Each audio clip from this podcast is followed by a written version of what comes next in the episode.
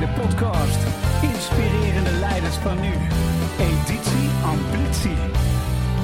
En vandaag zijn dit mijn gasten. Staande ovatie. Voor mijn gast hier in de studio. Ja, welkom bij weer een uh, aflevering van uh, Plevierende Powervrouwen. Daar hebben we drie soorten in. We hebben Plevierende Powervrouwen, we hebben de Mixed Double en we hebben de mannen. Nou, vandaag hebben we een Mixed Double hier zitten. En uh, dan mag je jezelf even voorstellen. mijn naam is Harco van Nude. Harco van Nude. welk bedrijf werk je voor? Experience Travel, een ja. reisorganisatie uh, in het exclusieve segment uh, formaatwerk reizen. Ja, ja en, en, heel gaaf, ik ben bij jou op bezoek geweest. Ja. En wat me opviel, je hebt heel veel vrouwen in, uh, in jouw gebouw werkend voor jou. Hoe kan dat? denk ik twee redenen. En de belangrijkste reden is de servicegerichtheid die wij nastreven. Die komt, zit ook meer in de DNA van een gemiddelde vrouw dan een gemiddelde man. Ja. En de, denk ik dat ik dat mag zeggen. Ja. En het is ook een branche waar je, ja, waar je niet altijd voor kiest voor uh, het grote geld, maar wel voor de passie. Ja. En uh, de praktijk leert dat dat toch uh, meer vrouwen aantrekt dan mannen. Ja, ja en die, die passie bij jou zit erin, hè? Want, want jij hebt iets met, met travel, hè? Ja, eigenlijk niet toen ik begon. toen ik begon was ik ook een van die jongens die gewoon ieder jaar naar Benidorm ging en naar Sassonisos om lekker te feesten. Ja. Maar ja, bijna bij ja, per ongeluk in, in naar Zimbabwe gegaan. Ben daar gaan afstuderen. En toen eigenlijk vrij jong geleerd dat reizen meer doet dan alleen vrije tijd invullen. Ja, ja. En, en dat het leuker is dan vakantie vieren. Ja, ja, dat is heel gaaf. En daar gaan we daar eens even op in. Want ik heb een voorgesprek gehad. Ik weet, ik weet al een beetje de context. Maar voor de luisteraars, dat is zo super leuk om te horen. En naast jou zit Laura Koster. Laura Koster. Hey, Laura, en jij bent werkzaam voor? Ik ben uh, werkzaam bij Gomes, Gomes Noord-Holland. Ja. Um, en wij zijn een, uh, ja, een dealerbedrijf van Mercedes-Benz. Ja, ja, een dealerbedrijf van Mercedes-Benz. Meerdere vestigingen, dat ja. soort dingen. hey, en uh, jij bent de HR-directeur. En ja, jij zit volgens mij tussen de mannen. Ja, ja, ja. Harco zit tussen de dames. ik vind dat echt helemaal geestig. Weet je, want toen ik mensen met elkaar ging plaatsen, dacht ik van, ah, Laura Koster, ah, die zit, dit dus, wel. Dat is gewoon geinig, weet je wel. Ja. ja.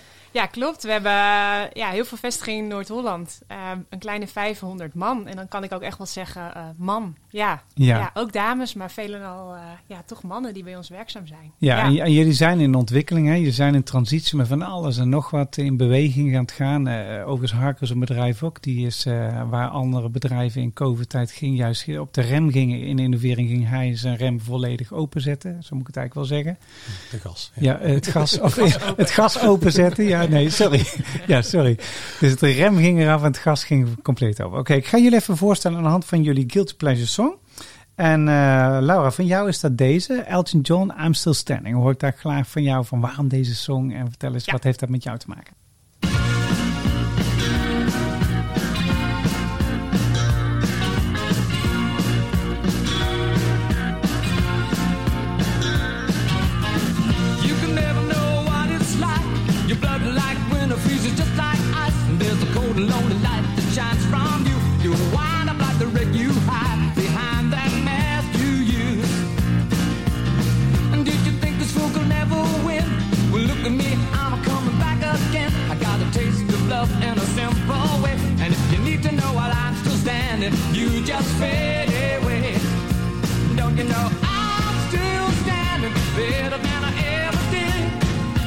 Look like a true survivor.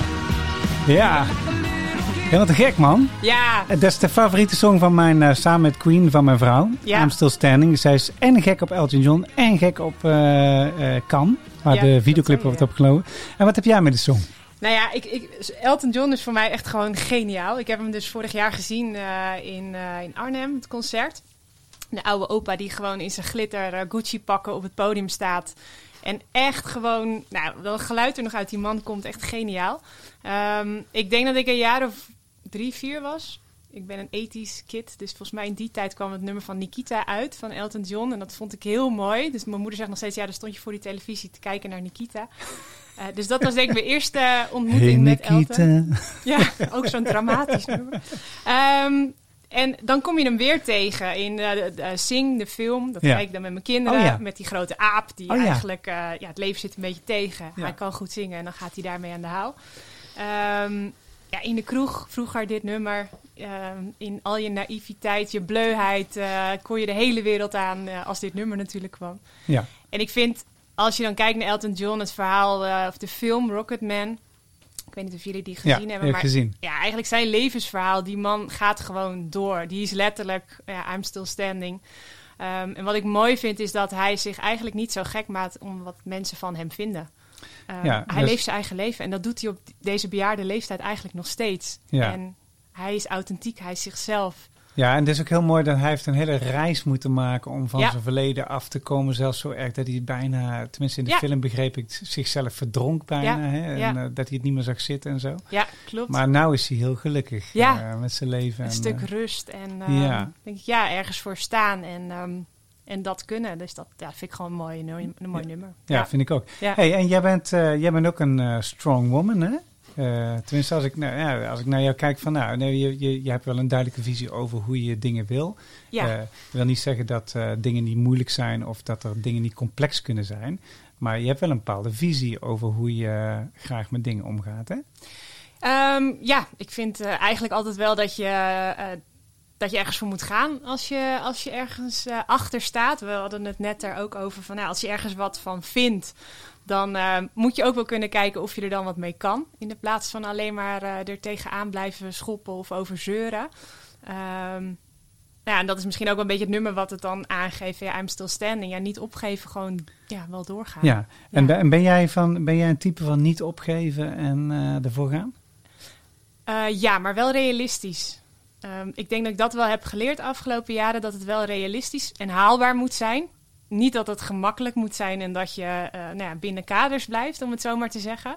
Ehm, maar je kan ook als een hamster in een eh, hamsterkootje blijven doorrennen zonder doel te hebben. Dus ja, doorgaan, doorzetten, maar wel met een doel. Ja, met, een doel.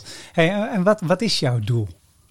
Wat is mijn doel? Ja, want je zit bij Gomez en nou, ik, ik heb begrepen, ze zijn in transitie. Hè? Er zijn strategieplannen gemaakt en eh, nou, het is natuurlijk een beetje een mannelijke omgeving. ja, Eh, jullie hebben natuurlijk ook te maken met eh, ja, hoe krijg je jonge engineers binnen, binnen het bedrijf en behoud je ze ook en dat soort dingen.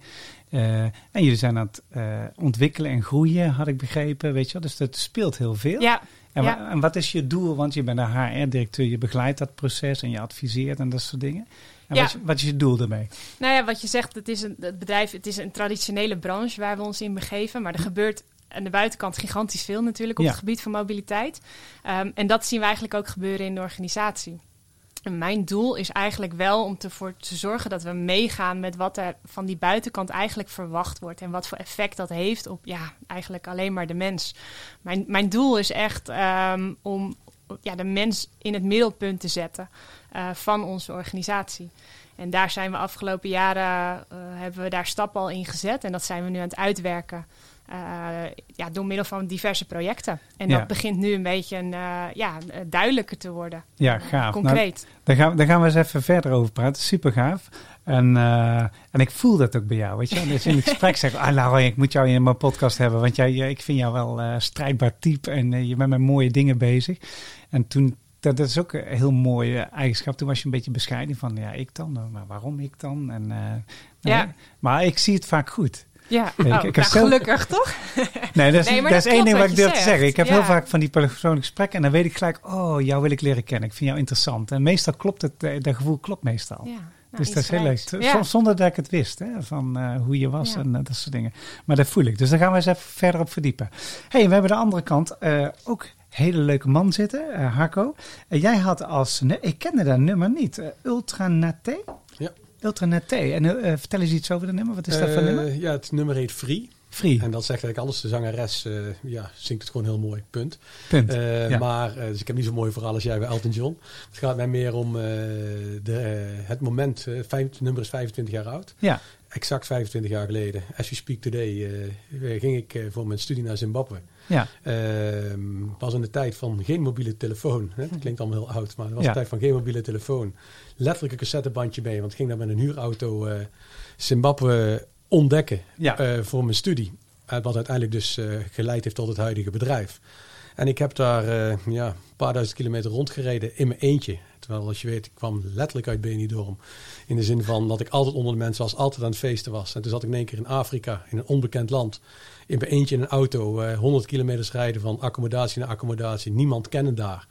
En uh, dit nummer uh, stond op de achterkant van het cassettebandje. Dat had je toen ook nog, een achterkant en een voorkant. Ja. En daar stond hij vier keer achter elkaar op. Ik weet nog steeds niet waarom. Maar dat nummer, als ik dan daar in mijn eentje reed, compleet vrij van de wereld, zonder zorgen. Een van de mooiste landen ter wereld. En dan uh, dat nummer op, ja, dan was ik alleen en ik voelde me toch, ja, King of the World. King of the World, dat, dat is een gave ervaring. Daar gaan we eens even naar luisteren, want de, de King of the World song kun je het dan ook noemen. Hè? I'm Free, Free,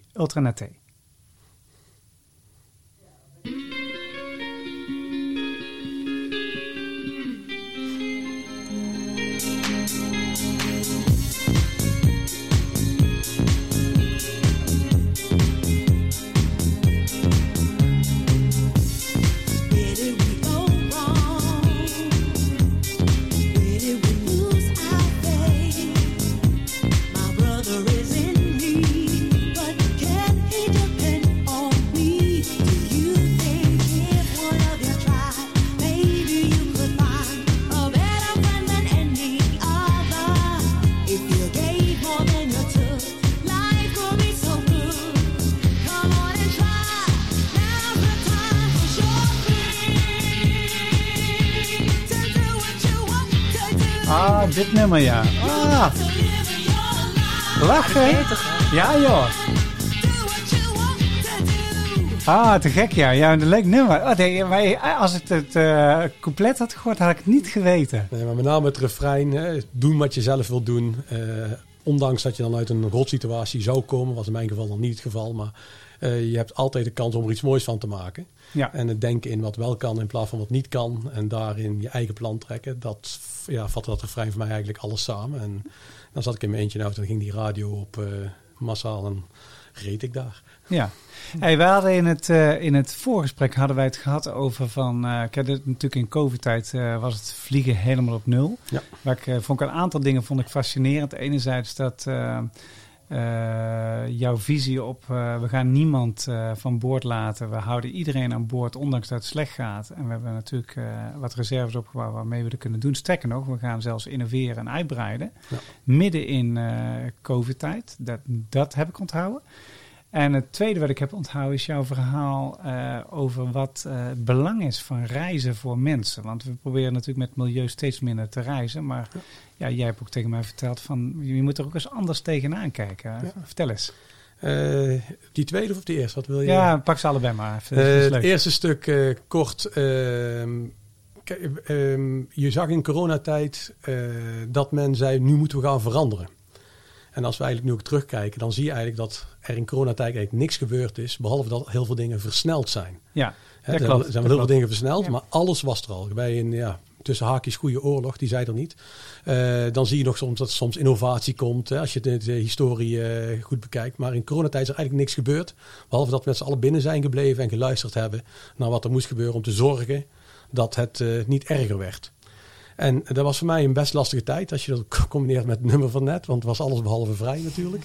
um, en wij hebben, wij hebben toen, ik, ik heb toen nagedacht van, wij zeiden tegen elkaar, doen namelijk het bedrijf samen met mijn vrouw, van onze strategie en onze visie, die zijn eigenlijk, die staan eigenlijk los van wat er nu gebeurt. Dit is een incident, hè, groter incident misschien als dat we aan zagen komen, dit is een incident. Wij gaan onze strategie vasthouden. En bij die strategie vasthouden betekent dat wij al, ja, toen, hè, we staan nu januari 25 jaar, 23 of 22,5 jaar toen, uh, gebouwd hebben aan iets. Dat we natuurlijk niet door iets wat toen nog onbekend was als was, af zouden laten breken. Ja. En we hebben dus ten eerste gezegd, uh, twee dingen gaan er hier gebeuren. Beste mensen, iedereen blijft. Want we hebben veel te veel kwaliteit en kennis opgebouwd en een veel te mooi team. En om, die zat, ja, dat gewoon goed in elkaar zat. We hebben daar plannen mee voor de toekomst. Daar hebben we iedereen voor nodig. En natuurlijk wist ik ook niet dat het twee jaar ging duren. Maar we blijven bij elkaar. En de tweede wat we zeiden, maar dan blijven we ook op kantoor. En dat was misschien nog wel de meest heftige in die tijd. Want die eerste vindt natuurlijk iedereen leuk. Maar die tweede had tot gevolg dat we als team bij elkaar bleven. Ja. Ik geloof ook in teams.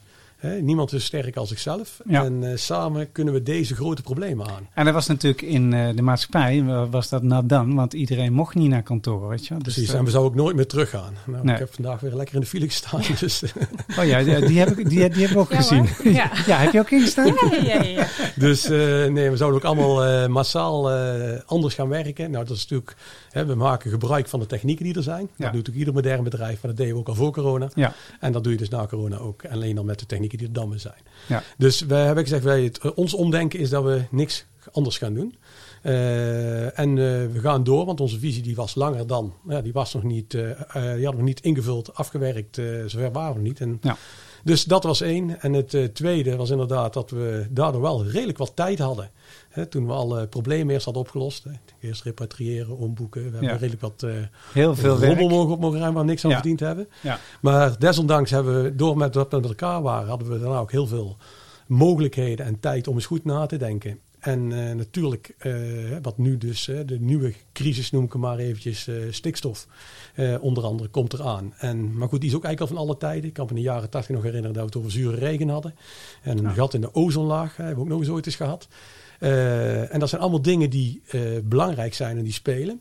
Maar de oplossing die vaak geboden wordt, is dat men dan, en zeker ook nu met ons, met ons huidige kabinet, met ons huidige beleid, dan wordt gezegd, bijvoorbeeld reizen, dat is de reden dat we, eh, Stikstof dat, dat, we, dat, we dat, dat is het probleem, dus dat moeten we maar minder gaan doen. En als je daar dus over nadenkt, hè, dan, wat ik dan vaak doe als zo'n opmerking, dan draai ik hem om. Zeg, als we dan met z'n allen niet meer zouden gaan reizen, wat zou er dan gebeuren? Nou, daar wil je echt niet over nadenken. Hè, dan, eh, dan gaat de wereld er dus echt aan. En dat betekent. eh, En waarom is dat? Waar, waar- want- nou, er zijn eigenlijk eh, zes hoofdpunten, denk ik. En er is nu, het, eh, ik zal het anders zeggen, waarom hebben we altijd gereisd? Daar moet je ook eens over nadenken. Al vijf- sinds de jaren 1500 gingen we zelf in scheurbuiken schepen op als Nederlander Ja. om de hele wereld te veroveren. We gingen op reis. ja. En zonder reizen, geen boeken zonder reizen, geen, eh, geen verbinding zonder reizen. Maar als je dat verdeelt in wat gebeurt daar nu? Dus er zit ook een, een lerende factor, een ontmoetingsfactor. Een, Nou ja, zes. Het zijn er eigenlijk zes. Eén is eh, natuurbescherming. Ja. Zonder reizigers wordt de natuur niet beschermd. De Massa Mara zou letterlijk een boerderij zijn als Ja. er geen toerisme zou zijn. Er zou geen neushoorn meer leven, om het allemaal heel klein te maken, als er geen reizigers zouden zijn. Hmm. Cultuurbescherming. Zelfs Volendam zou niet meer bestaan.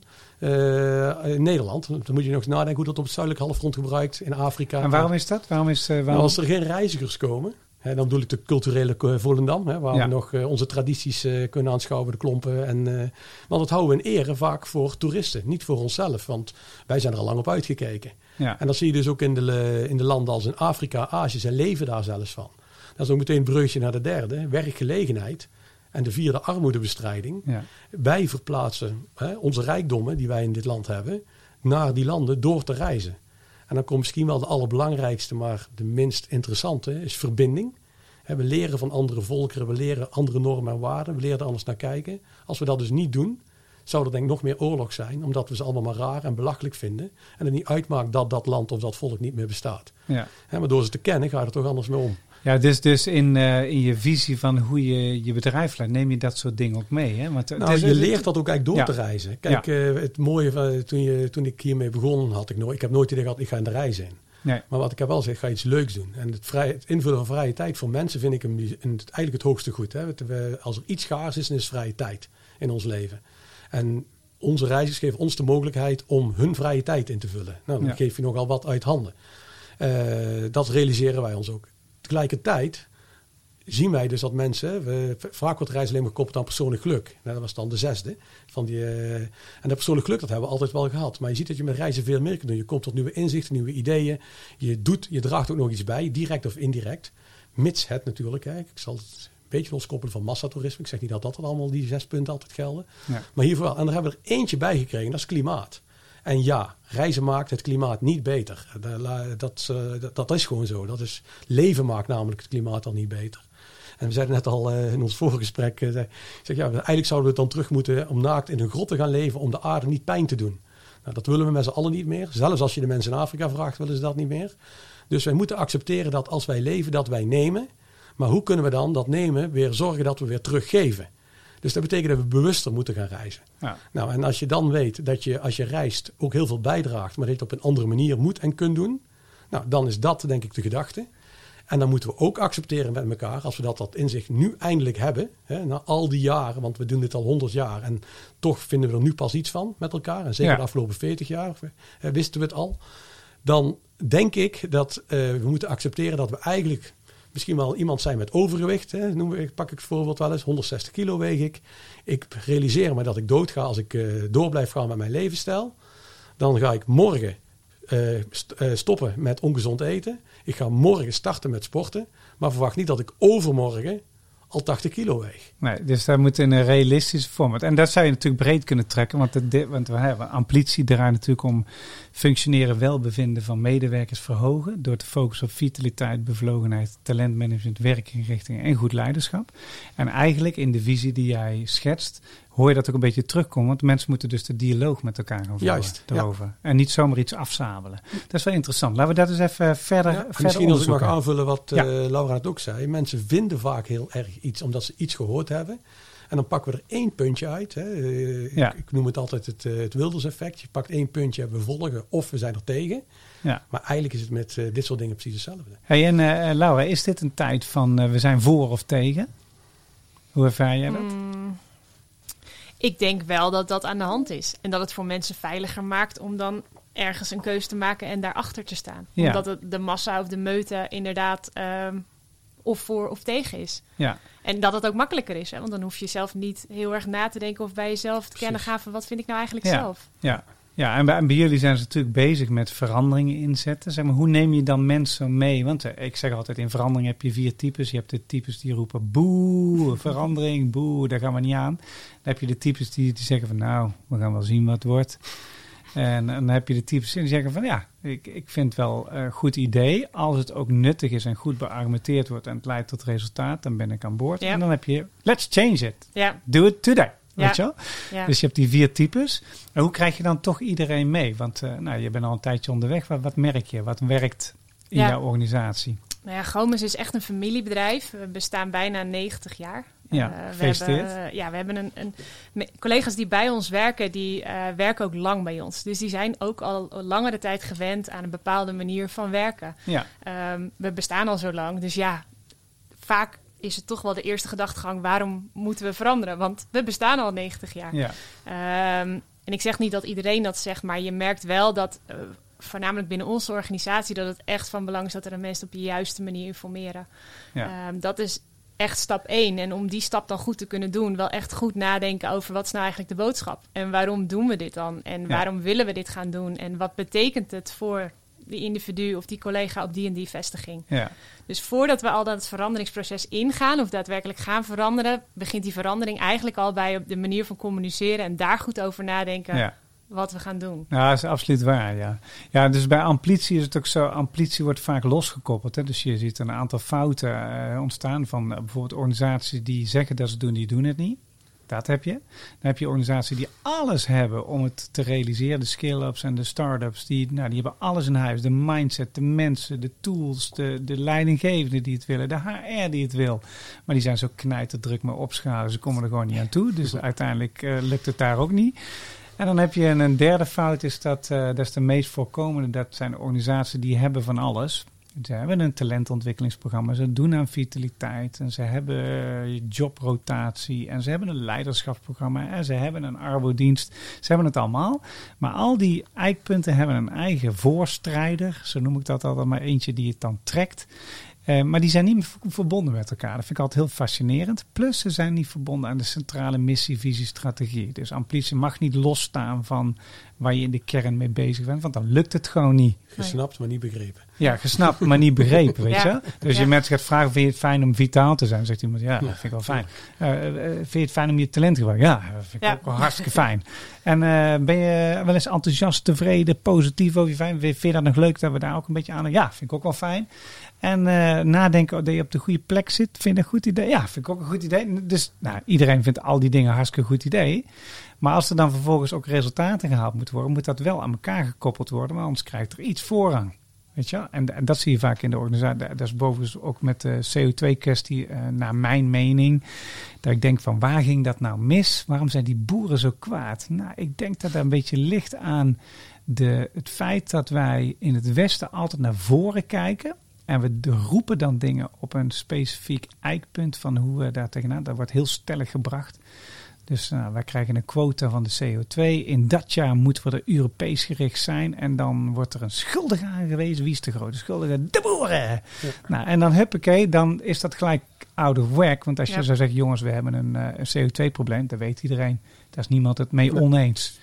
We moeten met elkaar eens even gaan praten, alle partijen aan tafel zetten hoe we hier eh, mee omgaan en wat een goede route zou kunnen zijn. En dan moet je het praten moet je eerst doen. Ja. En dan het invoeren van die regelgeving, dat moet je daarna doen. Nou, dus dat is bij de amplitie is dat ook. En ook bij verandering en ook bij eh, eh, de kwestie over het Ja, reizen het, al het dan voorbeeld niet. van die man van 160 kilo, denk ik, eh, geeft aan dat we snappen het, we weten het, we Ja. begrijpen het. Iedereen is het mee eens. Ook iedereen staat erachter, zelfs de persoon zelf. Ja. Maar hij kan niet van de een de andere dag in één keer op zijn kop Nee. gaan staan. hè. Ja, en, dat, en, en de mindset change, daar hadden we het vandaag in de andere podcast nog over. Dat de mindset change is het belangrijkste. Dat mensen voor zichzelf gaan nadenken van, hé, waarom moet het eigenlijk? En wat is mijn rol hierin?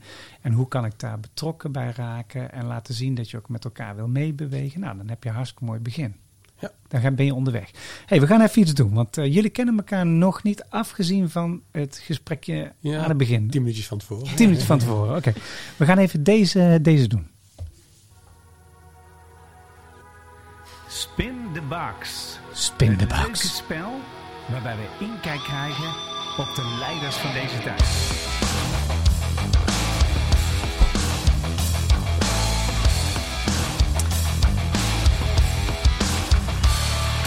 Nou, ik zou je zeggen, ik heb altijd zoveel eh, plezier bij het maken van die songs. Want dit maak ik met vrienden en met allemaal leuke mensen, weet je wel. Dus wij, wij zitten dan zo, zitten we in de studio. Dit was Reach Out for the Sky, gaat over het werkelijk nastreven van je echte talent. Weet je wel, en de meeste mensen weten niet eens wat het is, hun echte talent. Getuigen het feit dat maar 27% of 37% van de mensen in Nederland op hun talent werkt. En maar 12% is bevlogen. Maar ik geloof connectie, bevlogenheid en talent aan elkaar krijg je mooie dingen. Met name als je in gesprek bent. Oké, Spinnenbox gaat als volgt. Ik heb 28 vragen voor Zo. jullie. Eh, nou, die ga ik niet, niet, Oh. niet allemaal doornemen natuurlijk. Hè. Zo. eh. Eh, maar het gaat als volgt. Ik, ehm, eh, ik, jij mag een vraag noemen. eh 1 tot met 28. Ik kies daar een vraag uit. En die vraag is voor de andere kant. Dus jij stelt hem voor Harco. Eh, Harco stelt hem voor jou. Je mag gewoon een nummer roepen. Maar je weet niet welke eh, vraag eruit komt. Dat maakt het heel leuk. Ja. Eh, want dan leren we namelijk jou als eh, HR-directeur en als mens beter kennen. Harco, maar jij mag beginnen 1 tot en met 28. Acht. Nummer 8. even kijken. Hoe selecteer je mensen, eh, of hoe, hoe huur je die in, waar je mee samenwerkt? Hoe doe je dat? Hoe ik dat doe. Ja. Dus hoe selecteer je talenten waar, waar je mee samenwerkt? Ehm, nou, als ik kijk hoe ik dat afgelopen periode heb gedaan, dan denk ik dat ik vooral eerst in mijn team ga kijken. Van, nou, wat heb ik nodig? Ja. Ehm, wat mis ik of wat kan versterkt worden? Ehm, naar mezelf ook kijk van nou, wat ben ik dus absoluut niet of wat is mijn valkuil?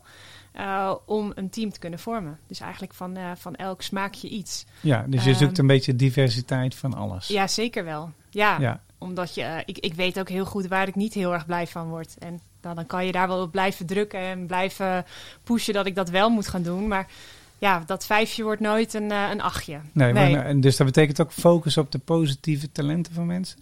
Ja, maar ook wel eerlijk eh, proberen te achterhalen waar iemand dan eh, wat minder goed is of waar die ook geen energie van krijgt. Oké, goeie. En die veiligheid probeer ik wel te creëren in een gesprek om, om dat omhoog te krijgen. Ja, ja. Ik heb er niks aan als iemand dat niet deelt of vertelt en je komt er eh, na een paar maanden pas achter. Ja, mooi, mooi. Ja, ik zie jou ja knikken, Harco. Ja, ik denk dat, eh, kijk, je hebt natuurlijk heel veel bedrijven, maar goed, je zegt al familiebedrijven. En wij zijn nog wel een stukje kleiner dan jullie, maar met hetzelfde gevoel, denk ik, eh, kijken wij naar mensen. En vaak grote bedrijven die dat zo'n hokje hebben gecreëerd en dan gaan ze iemand erbij zoeken die erin past. En ik geloof er heel erg in dat als je mensen in hun kracht zet, dat je, ook al is het dan niet het perfecte plaatje voor die functie, Ja. dat er meer uitkomt dan eh, niet. En we hebben, ik heb ook wel eens, eh, ook nu, eh, beslissingen genomen van, omdat de mensen langskwamen die pasten in iets wat we eigenlijk nog nooit hadden gedaan, dat we toen maar zijn gaan doen. Eh, wat wel natuurlijk wel bij het kader van de organisatie past. Ja. Hè? Dus Ja. eh, binnen de doelstellingen die je toch al had. En soms duren dingen ook lang voordat ze loskomen, dat je de juiste persoon er niet bij kunt zoeken. Dus wij gaan dan niet er maar iemand neerzetten om handjes te hebben. Het moet de juiste persoon op de juiste plek zijn. Ja. En als je dat iedere dag doet, dan denk ik dat je verder komt dan proberen, ja, we zijn Ja. al drukken, drukken, drukken. Dat gaat een vaak toch Ja. Lukken. Ja. ja, dat herken ik wel. Ja. Ik, ik ben heel erg fan. eh, ik, ik heb één eh, serie op Netflix. Voor de rest kijk ik niks op Netflix. Maar eh, één serie die heet From Dust to Riches of zo. En gaat over een kerel die knapt auto's op. En dan verkoopt hij die auto en dan maakt hij een volgende auto die nog duurder is. En dan maakt hij een volgende auto die nog duurder is. En uiteindelijk dan verkopen ze een auto van een miljoen, weet je wel. En daar verdienen ze een business mee. En die man die had zijn droomproject gedaan. Die had besloten van, eh, ik ga geen klanten meer bedienen die high-end heel veel geld betalen zomaar. En dat ik ze moet opvolgen, want daar heb ik helemaal geen plezier in. Mijn team heeft er geen plezier in.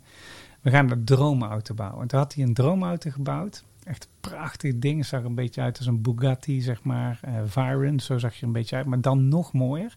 Met ook een bijpassende motor. En dat ding kostte 250.000 euro. En dat was het idee, we gaan het op de markt brengen en verkopen.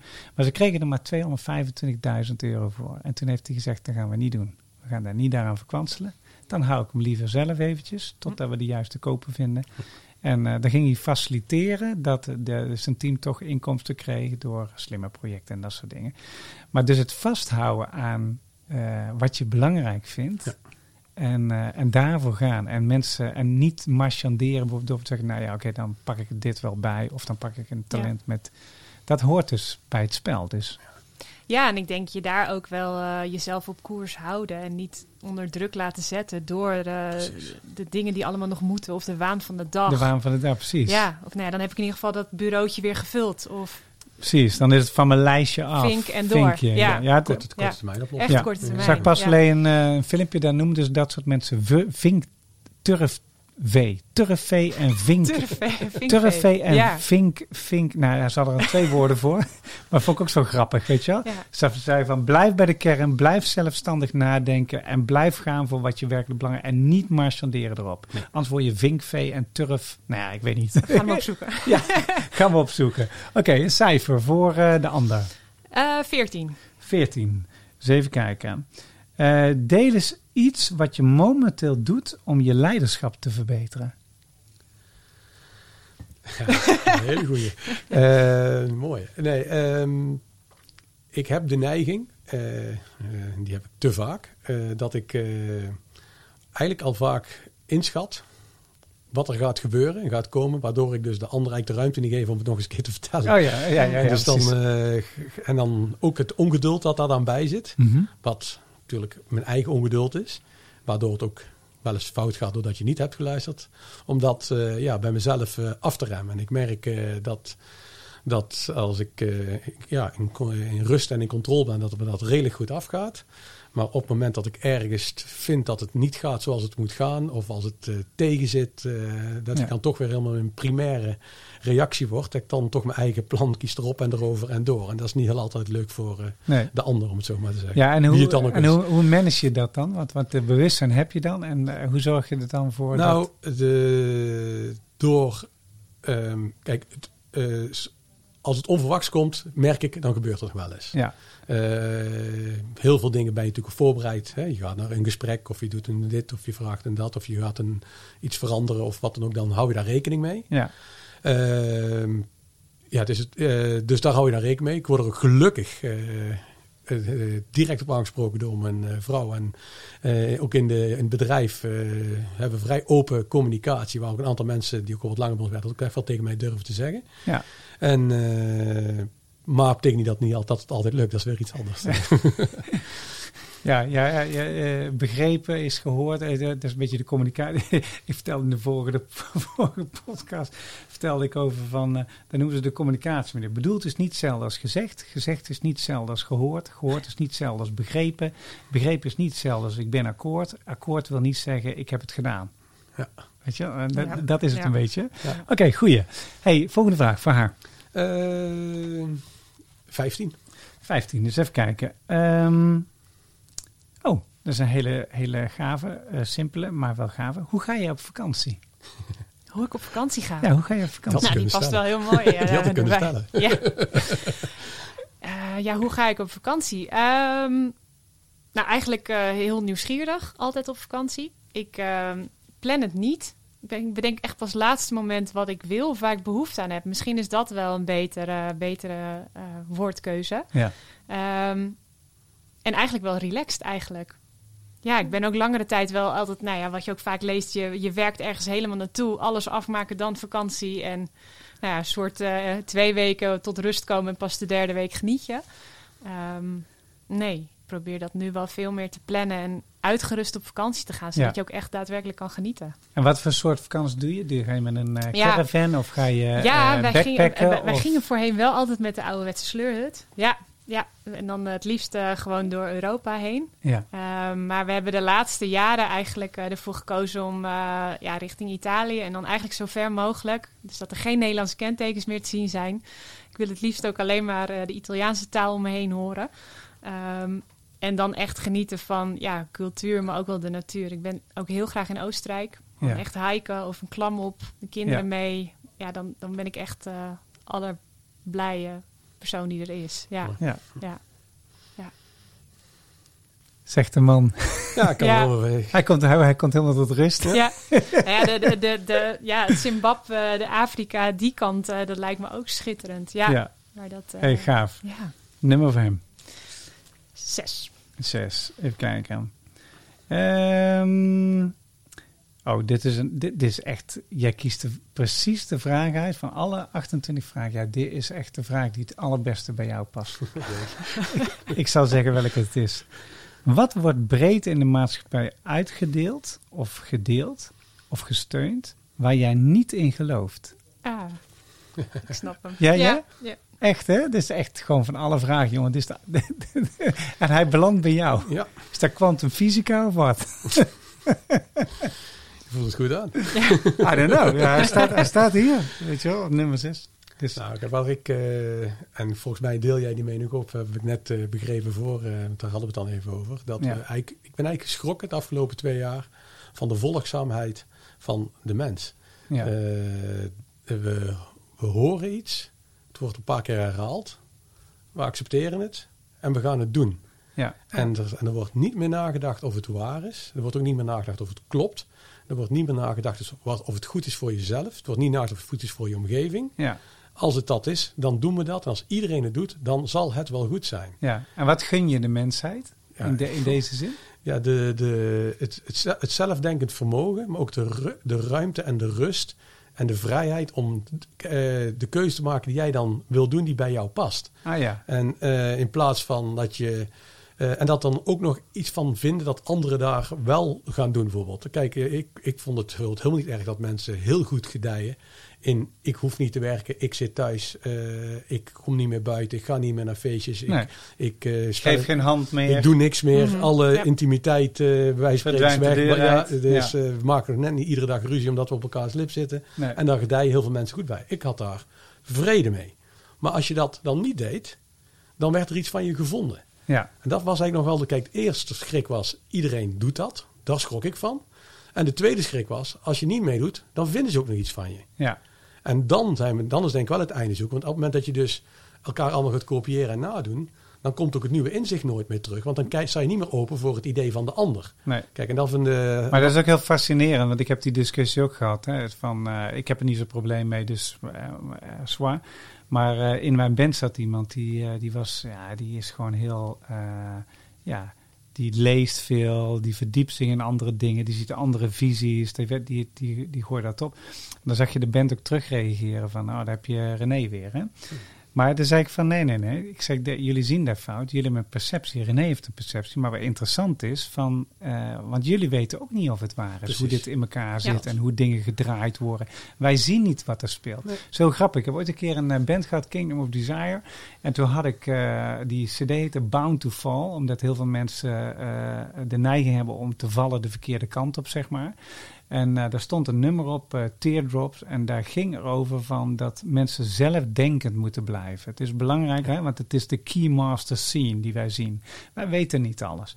Maar dat, dat, dat zelf nadenkend zijn is super belangrijk voor iedereen. Precies. Dus dan zei ik ook tegen mijn band van, nou, ik zeg maar, je, je moet, je moet vragend zijn. En dan ontdek je misschien nieuwe dingen. En dat is misschien ook wel de Dat relatie... is ook de dialoog, hè? die, ja, dat is ook eh, misschien wel de relatie naar reizen. Kijk, wij... eh, bijvoorbeeld, ik ben... eh, was midden in coronatijd... eh, ben ik naar Saudi-Arabië geweest. Ja. land was voorheen gesloten Ja. voor toerisme. Alleen als je moslim was of op zaken was, mocht je naar het land toe. Ja, dat ze daar, ze maken natuurlijk uit commerciële keuzes de opening naar het toerisme. Ja. Nou, die commerciële keuze, die kun je iets van vinden. Hè, want nu is de olie op en nu zijn we wel goed. Hè, zo kun je er naar kijken. Maar wat veel belangrijker is, dat ik als reiziger we werkelijk kan gaan verdiepen in wat bij hun speelt en leeft. Ja. Maar nog belangrijker is, als je je grenzen openstelt voor reizigers, en dat hebben we daar, zie je dat gebeuren, dat betekent ook dat de bevolking, hoe ze ook geïnformeerd worden door kranten, media in hun eigen land, dingen meekrijgen van jou als toerist. Ja, al is dus maar hoe je je kleedt, ze al is maar hoe eh, je je kijkt. Ja, ze gaan het zelf ervaren ja, waardoor ze zelf ook weer gaan nadenken en andere ideeën krijgen. Ook al gaat dat met stapje voor stapje. Maar het is zo belangrijk dat je daar open blijft staan naar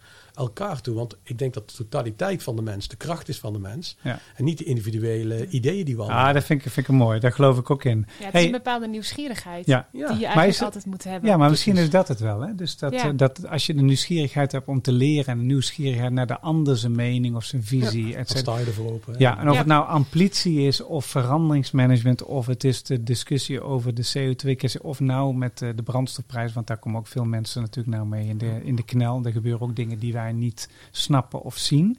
Maar eh, de dialoog moet wel gevoerd worden. Als de dialoog er niet meer is, dan, eh, Ja, maar- dan gaat het Maar denk het ik lastige van dit soort discussies is dat we vaak een, iets heel kleins eruit pakken wat we dan lijken te begrijpen. Precies. En dan gaan we het daar heel lang over hebben. Terwijl dat we het probleem eigenlijk op een veel hoger niveau ligt. Ja. Of de oplossing, dat is nog veel belangrijker.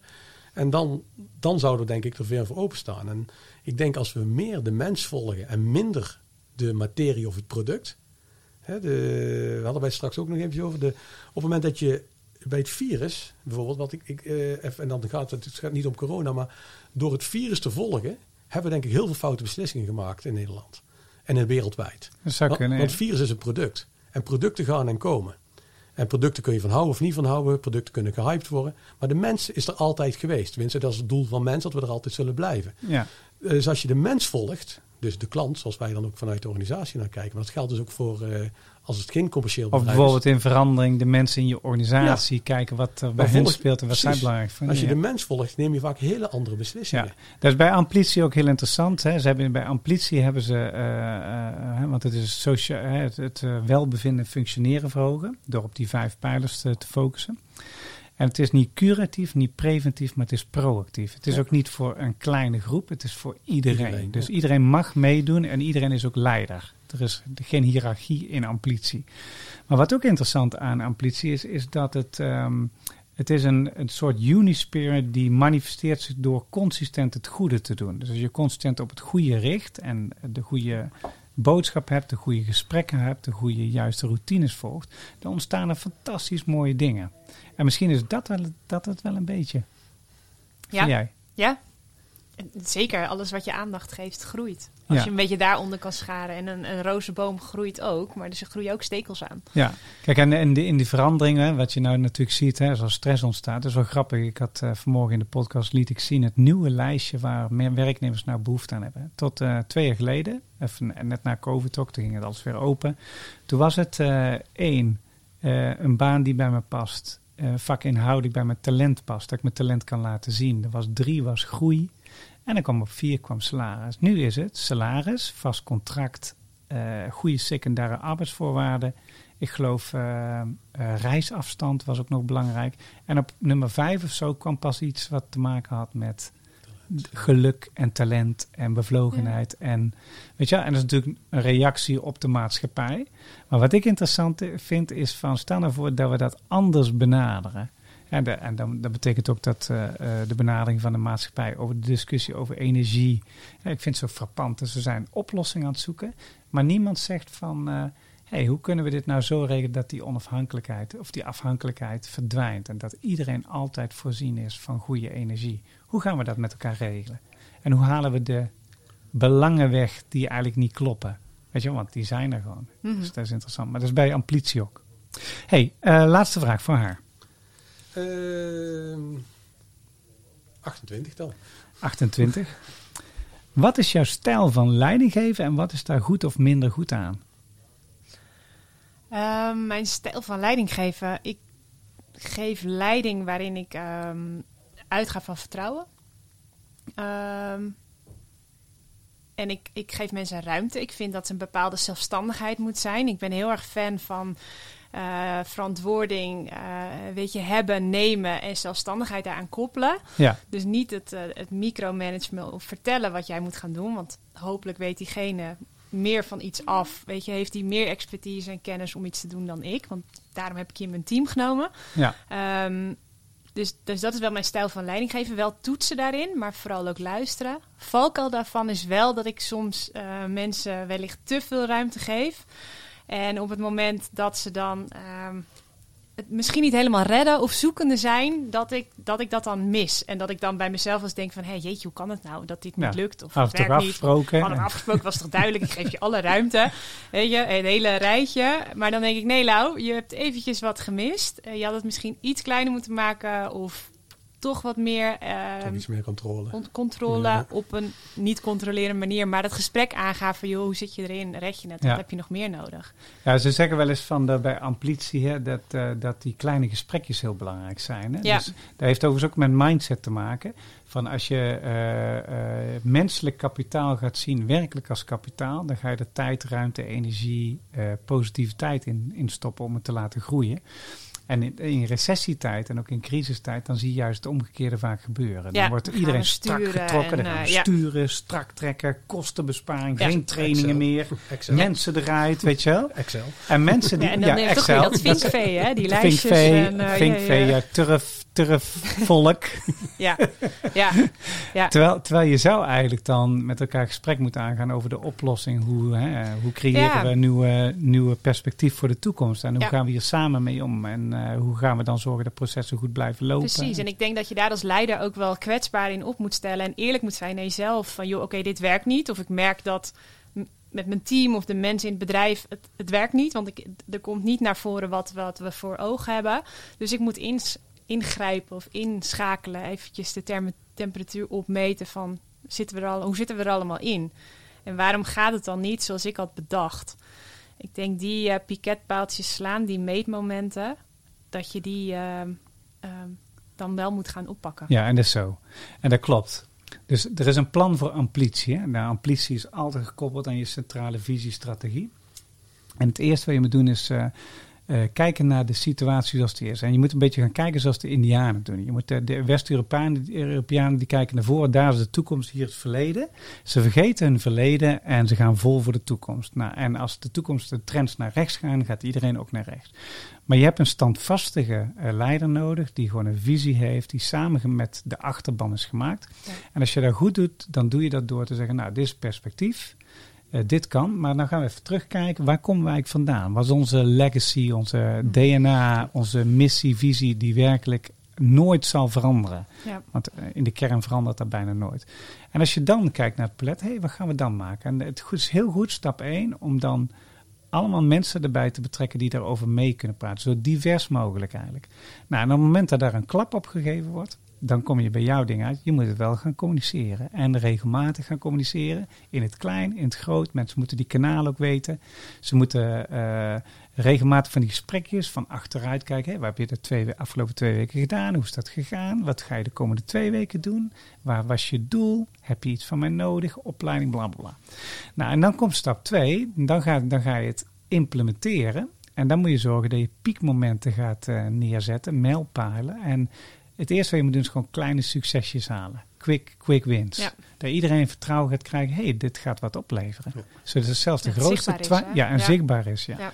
En dan is de derde stap, is dan ga je dat uitbouwen. Dan ga je het fine-tunen. En uiteindelijk helemaal aan het eind, dan evalueer je dat proces. En dan, dan start eigenlijk die cyclus weer opnieuw. Eh, ja, maar herken je dat een beetje of niet? Ja, ja, ja, zeker. Wij zijn eh, ja, bij Gomes zijn we met een groot ja, veranderd traject bezig. Hè. De wereld nou ja, verandert en ook eh, in, in, in de mobiliteit.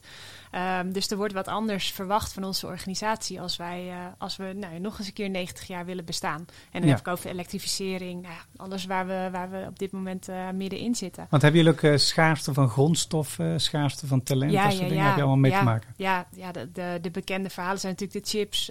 Oh ja, ja, dat, ja, dat tuurlijk. is bij die ons... zitten ook overal in natuurlijk. Ja, de, de, die bepalen wat die auto bijna doet. Ehm, maar we hebben ook schaarste in eh, ja, de technische collega's. De mannen, en dat zijn dan weer bijna allemaal mannen, dus ik kan dat gewoon zeggen. Die, eh, ja, die dagdagelijks Hoe kan, bezig eigenlijk, zijn. hoe kan eigenlijk dat vrouwen dit niet doen? Want vrouwen die zijn toch net zo goed of zelfs beter in beta dan ja, eh, we dan hebben, wel, we hebben wel vrouwelijke collega's. Maar eh, ja, wat Harco ook een beetje zegt, die zitten vaak eh, bij ons op de technische receptie. Dus echt als, eh, als serviceadviseur. Ehm, Ah. Daar hebben we wat meer collega's en ook wel eh, eh, bij het klantencontact. Maar ja, de werkplaats, dat, eh, ja, uit mijn hoofd zijn dat nu twee, drie, eh, vier collega's, vrouwelijke collega's. Ja, ja. dus dat mag een beetje meer, zeg maar. Maar, Ja, maar- kan het ook zijn dat dat misschien wel komt? Hè? We roepen dat nu al, eh, maar liefst al tien jaar. Maar dat betekent dus dat die generatie die weet dat dat gaat gebeuren, nu pas wordt opgeleid. Nee, dat Ja, geloof ik ook. dus, eh, Ja. ook, hè, we- we- Vanmorgen hadden we het ook in, eh, met Robin er ook over. Die zei van het moet, eh, als wij een verandering willen maken, de positieve kant op, op welk thema dan ook. Hè, of het nou stikstof is, of eh, het verbinden met elkaar, of eh, eh, de, de asielbeleid, of woningen, of wat, wat het ook is, zei hij. Van, eh, eh, ik geloof, hij zei, ik geloof dat het dan in ons scholingssysteem moet komen. Ja. Dat mensen zien van wat, wat, de, ja, wat het hogere doel ervan is en hoe gaaf het eigenlijk is. En zorgen dat mensen die personality eh, van zichzelf goed leren kennen tijdens hun opleiding. Zodat ze beter weten waar ze op gaan koersen als ze in de baan komen. Dat soort dingen. Ja, we geloof ik ook in. Ja, jij, ik zie jou ook ja knikken. Ja, ja, ja, zeker. Kijk, als je nu kijkt naar de, de jongens die dan binnenkomen, dat zijn, dat zijn jonge jongens met een, een, ehm, ja, een technische opleiding die ze gestart zijn. Ja, Maar ehm, wat ze op school nu geleerd krijgen en, en, en ja, de, de, de werkplaatsen in het echte leven, daar zit nogal een heel verschil. En dat, en dat is soms best wel spannend. Of het is echt wel een, eh, ja, Hm. een, een, een slangenkuil. Ja. Hè? Mannen onderling, mannen die er al lang werken, Ja. veel technische kennis. Er, daar wordt echt wel tegenop gekeken. Ja. En hoe krijg je dan die jonge gasten eh, toch het veilige gevoel en dat ze, dat ze gaan leren en dat ze zich kunnen ontwikkelen op een goede manier. En dat ze ook blijven hè, in, het, in, het, in het vak. Ja. Ehm, Ja, dat is, eh, dat is wel fascinerend. Want ik, ik, ik denk dan steeds van, ja, als je iemand binnenkrijgt die jonger is, die heeft andere skills en talenten die die ouderen waarschijnlijk niet hebben. Die moet je ja, waarschijnlijk gaan. generatieverschillen. Ja, je moet Ja. echt gaan eh, uitwisselen dan. Hè? Ja. Dus de ene is niet beter dan het andere, zeg Nee. maar. Nee, nee, dat moet elkaar aanvullen. Eh, en, ze moeten elkaar gaan vinden. Dat is natuurlijk waar je, waar je naartoe werkt. Dat, is het, dat, ja. Ja. dat zou ultiem zijn als dat Ja. gaat lukken. Hey, ja. En als HR-directeur, van hoe, hoe creëer je dan zo'n pad voor, eh, voor, voor dat soort mensen? Want ik neem aan dat je dan gaat kijken naar je onboarding en je begeleiding tijdens het werk en dat soort dingen. Ja, ja, daar, dat, ja dat is, als dat op orde is, dat, dat is natuurlijk super. Maar het begint eigenlijk daarvoor al ook het bewustzijn van... ja, hoe ziet nou zo'n team eruit? Eh, wat is nou de rol van, ehm, eh, van een werkplaatschef... of Ja. van een service manager of een, een manager die daar weer bovenop zit? En waarom is dat zo ingericht? Ja. Ehm, Dus eigenlijk continu daarna over nadenken is dus ook, ook een rol die je eigenlijk Ja. continu hebt. Ja. zeg maar. En Van daar- waarom doen we het zo? Waarom doen we de dingen eigenlijk al zo? En dat is denk ik ook wel ja, typerend voor deze branche. Ik zit er dan nog niet zo heel erg lang in, maar het is gewoon heel traditioneel. Eh, meneer, Ja. meneer Ford is in de jaren 50 echt begonnen met, eh, met PZ. Eh, omdat die, die ja, de mensen aan de lopende band van de onderdelen, hij had door van, joh, als ik die meer aandacht geef en iets liever voor ze ben en ik zorg dat het salaris wordt gestort, hé, hey, dan werken ze harder. Ja. En ik zeg niet dat het nog steeds zo Nou, is, we- maar dat is heel grappig, want die, ik heb die film over Shelby gezien met die auto. Daar kon je ook een beetje zien hoe daar aan toe ging. Maar ik, ik las pas alleen een eh, artikel over een eh, niet te nader te noemen eh, organisatie in Nederland. Waar eh, personeel heel slecht behandeld werd. En daar hadden ze in de artikel hadden ze een vergelijk getrokken met een kerel die in 1850 eh, eh, PZ in optima vorm had opgesteld. Scholingsmogelijkheden, fijne werkplekken, goede hygiëne, medische hulp, psychische hulp, noem maar op. Alles had hij gefaciliteerd. Zit in Schotland volgens mij, dat bedrijf. En eh, eh, alle criminaliteit verdween uit eh, de stad waar die fabriek in zat. Het verdween allemaal. Het was in één keer weg. Weet je, dat vind ik fascinerend. ja. En dat was 1850, weet je wel. Dus Ja. er zijn altijd wel slimme mensen. Ja, ja, ja, ja, absoluut. Ja. Hey, en Harco, hoe, hoe doe jij dat, zeg maar? Van, eh, hoe vind jij die juiste match, zeg maar, binnen jouw organisatie? Nou, het is eh, wel. eh, we hebben het er toevallig van de week nog over gehad. Ehm, wij hadden natuurlijk. Kijk, als je het mooi is als je een bedrijf start, dan heb je altijd jonge, nieuwe mensen. Ja. En dan vind je zelf heel, eh, wij zijn jong, snel, talentvol. En, Het lijkt een beetje Veronica van vroeger. Ja, precies. Nou, dat, hoe dat, dat gevoel We zijn jong, snel en wild. Ja, dat, dat, dat zei ik nog net niet bij, maar dat, die lag puntje van mijn tong inderdaad. Ja. Nee, maar alles kon, alles, eh, hey, je gaat Ja. er met z'n allen voor. Niemand uh, kent, als, ja, ik hoef eh, jou niet uitleggen, nee, jullie hebben het met 500 mensen vertel je volgens mij. Ja. En wij dan met 50. Dan ga je op een gegeven moment, komt er toch, eh, toch wel een soort van structuur, want anders wordt het een, eh, een zooitje. Hè? Ja. Eh, en dan krijg je ook, en wat je dan ziet is op een gegeven moment ga je dus wat ouder worden. En ik heb altijd gedacht, nou ja, die oude bedrijven. Nu ben je zelf 24, 25 jaar bezig. En ik dacht van, nou, daar ga ik zelf niet meer meemaken, want dan vind ik helemaal niks. Dan ga ik weer opnieuw beginnen.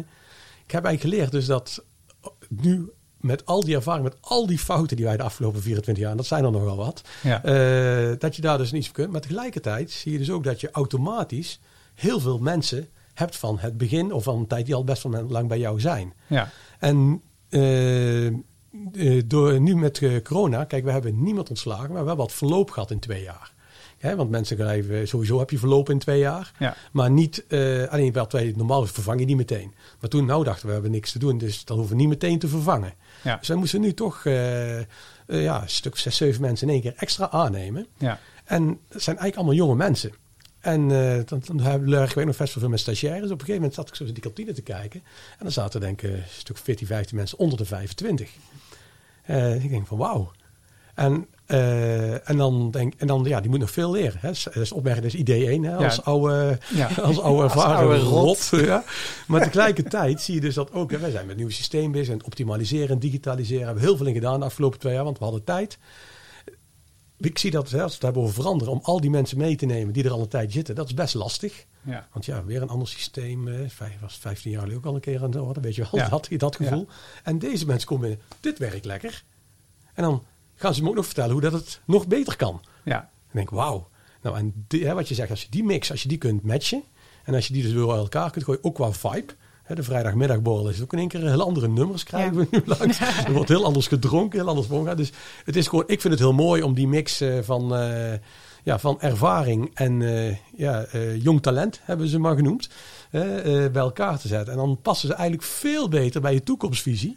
Ja. Maar zonder die ervarenheid zou het ook niks waren. Dus je kunt, het is niet één, het is niet beter, weet je wel. Beide is perfect. Het ene kan niet zonder het andere. Nee, en Ja. dat is eh, wat je als je dan die oude, vader rot, die jonkie helpt hoe dat iets moet doen, omdat hij dat in zich nog niet heeft, maar die jongen weer iets vertelt, maar dat kan toch ook zo, en dan, ja, dan zie je dingen gebeuren. Ja. En dat vind ik wel mooi. Ja, gaaf, gaaf. Ja, kijk, en, en dat is ook het, eh, ehm, geen wat bij Amplitie ook geldt. Als je, mensen zijn nooit uitgeleerd. Dat, dat ten eerste. En ten tweede, eh, je moet zorgen dat mensen zich continu kunnen ontwikkelen. En als dat binnen je organisatie niet meer kan, moet je ze begeleiden naar buiten. Precies. Weet je wel, dat is, dat is de amplitie mindset. Dus je moet letterlijk zeggen van het draait altijd om vermeerderen van kennis, vermeerderen van energie, vermeerderen van resultaat, vermeerderen van positiviteit, vermeerderen van vitaliteit. En realiseer, je hebt één leven. Ja, Ja. Maak er iets van. ja nou, dat vind ik wel een hele mooie eindconclusie. Hey, dus je zou kunnen zeggen, dus ehm, bij, als ik de, de noot van deze eh, podcast luister, dat is heel grappig, dan is communicatie super belangrijk. Je moet continu in verbinding staan in communicatie met mensen. Je mag niet zomaar iets aannemen. Vraag je altijd af wat het waarom is achter bepaalde dingen. Kijk ook altijd of het beter kan. En eh, leeftijd doet er dan niet, misschien niet zo toe. Het is meer zo, kun je het juiste team, de juiste mensen bij elkaar zetten en ervaringen, talenten, kennis uitwisselen, waardoor er een goede samenwerking, een goed team, maar ook een heel mooi looppad voor jou als professional gaat ontstaan. Dus dat is super belangrijk. Ehm dus even kijken, wat hadden we nog meer? Ja, eh, ik vind dit vond ik ook heel mooi. Dat eh, eh, ehm, bij dat proces moet je niet opgeven. Altijd vasthouden aan je vaste kern, die werkelijk belangrijk is. Dus het verleden ook niet vergeten. Maar met een open scope dan kijken wat hebben we dan in de toekomst nodig. En dan is het realistisch zijn, gewoon stapjes maken en doorzetten. En eh, natuurlijk moet je meegaan met de tijd. Maar zorg, zorg er altijd voor dat de mens het middelpunt is van die ontwikkeling. En doe je dat goed, nou, dan krijg je prachtige amplitie. Zou ik het daarmee kunnen Ja, samenvatten? heel mooi. Heel Ja, mooi. ja. Ja. Vind ik ook. Hey, dankjewel voor jullie komst eh, naar de studio. Ehm, ja, leef je talent, werk met bezieling en eh, doe het vooral samen met mensen die je leuk vindt en die een talent hebben en die er ook bereid zijn om ervoor te gaan. Groetje van Wout Plevier en we sluiten als altijd vanouds af met The Song of the People.